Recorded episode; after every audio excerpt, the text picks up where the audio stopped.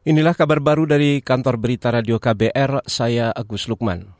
Saudara kalangan ahli mendorong pemerintah bergerak cepat mendeteksi virus penyakit mulut dan kuku pada hewan ternak sapi. Epidemiolog dari Universitas Indonesia Tri Yunis Miko Saksono mengatakan deteksi dapat dilakukan baik oleh pemerintah pusat, dinas peternakan, dinas pertanian hingga para peternak. Menurutnya cara mencegah penularan yang paling efektif adalah mendeteksi dini dan mengisolasi ternak yang terinfeksi virus PMK cuma satu-satunya cara adalah isolasi asal jangan asal jangan menular kepada hewan lainnya. Ini masalahnya penyakit PMK ini tadinya hanya di lima provinsi, sekarang sudah ya. menyebar ke 15 provinsi di antara hewan ya. Ya, jadi artinya di antara hewan itu isolasinya nggak berjalan mulus. Banyak hewan yang uh, kena PMK tapi nggak terdeteksi dengan pemiliknya sehingga dijual ke mana-mana ya hmm. jadinya menyebar gitu.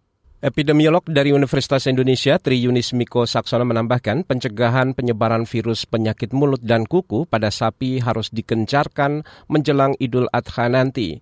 Menurutnya virus PMK cepat menyebar ke ternak serta merugikan banyak masyarakat. Sementara konsumen juga meragukan kesehatan ternak yang akan dikonsumsi.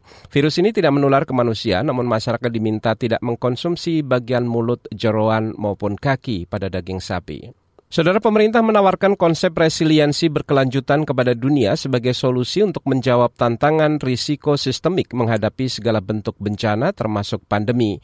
Deputi Kepala Badan Nasional Penanggulangan Bencana BNPB Raditya Jati mengatakan konsep ini nantinya dapat dilakukan sebagai upaya beradaptasi dengan perubahan iklim. Mengajak dunia, eh, masyarakat internasional bagaimana konsep sustainable resilience ini menjadikan suatu hal yang mendukung untuk pembangunan yang berkelanjutan juga pencapaian pengurangan risiko bencana serta juga upaya untuk melakukan adaptasi perubahan iklim. Deputi Kepala Badan Nasional Penanggulangan Bencana BNPB Raditya Jati mengatakan konsep resiliensi berkelanjutan menegaskan kembali bahwa penanggulangan bencana pasca pandemi COVID-19 tidak lagi dapat dilakukan seperti biasa tapi harus dilakukan secara berkelanjutan. Salah satu konsep resiliensi berkelanjutan adalah memperkuat budaya dan kelembagaan siaga bencana yang antisipatif, responsif, dan adaptif terhadap bencana. Selain itu, pendidikan aman bencana serta kelembagaan pemerintah dan sosialisasi yang sinergi dan tanggap bencana juga harus menjadi prioritas bersama. Kita ke Kalimantan Timur, Saudara Gubernur Kalimantan Timur Isran Nur mengklaim mayoritas warganya setuju dengan pemindahan ibu kota negara. Isran mengatakan jika masih ada penolakan pemindahan ibu kota negara, maka itu adalah hal biasa sebagai bagian dari demokrasi.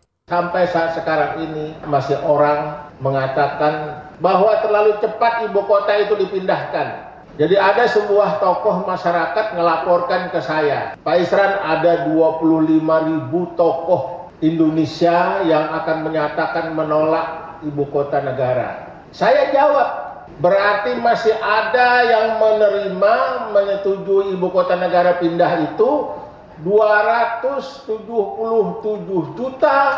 Gubernur Kalimantan Timur Islan Nur menambahkan pemilihan Kalimantan Timur menjadi ibu kota negara yang baru karena tidak pernah terjadi konflik SARA. Ia mengakui mendapat laporan ada sekitar 25 ribu tokoh nasional menolak pemindahan ibu kota negara dari Jakarta menuju Kalimantan Timur.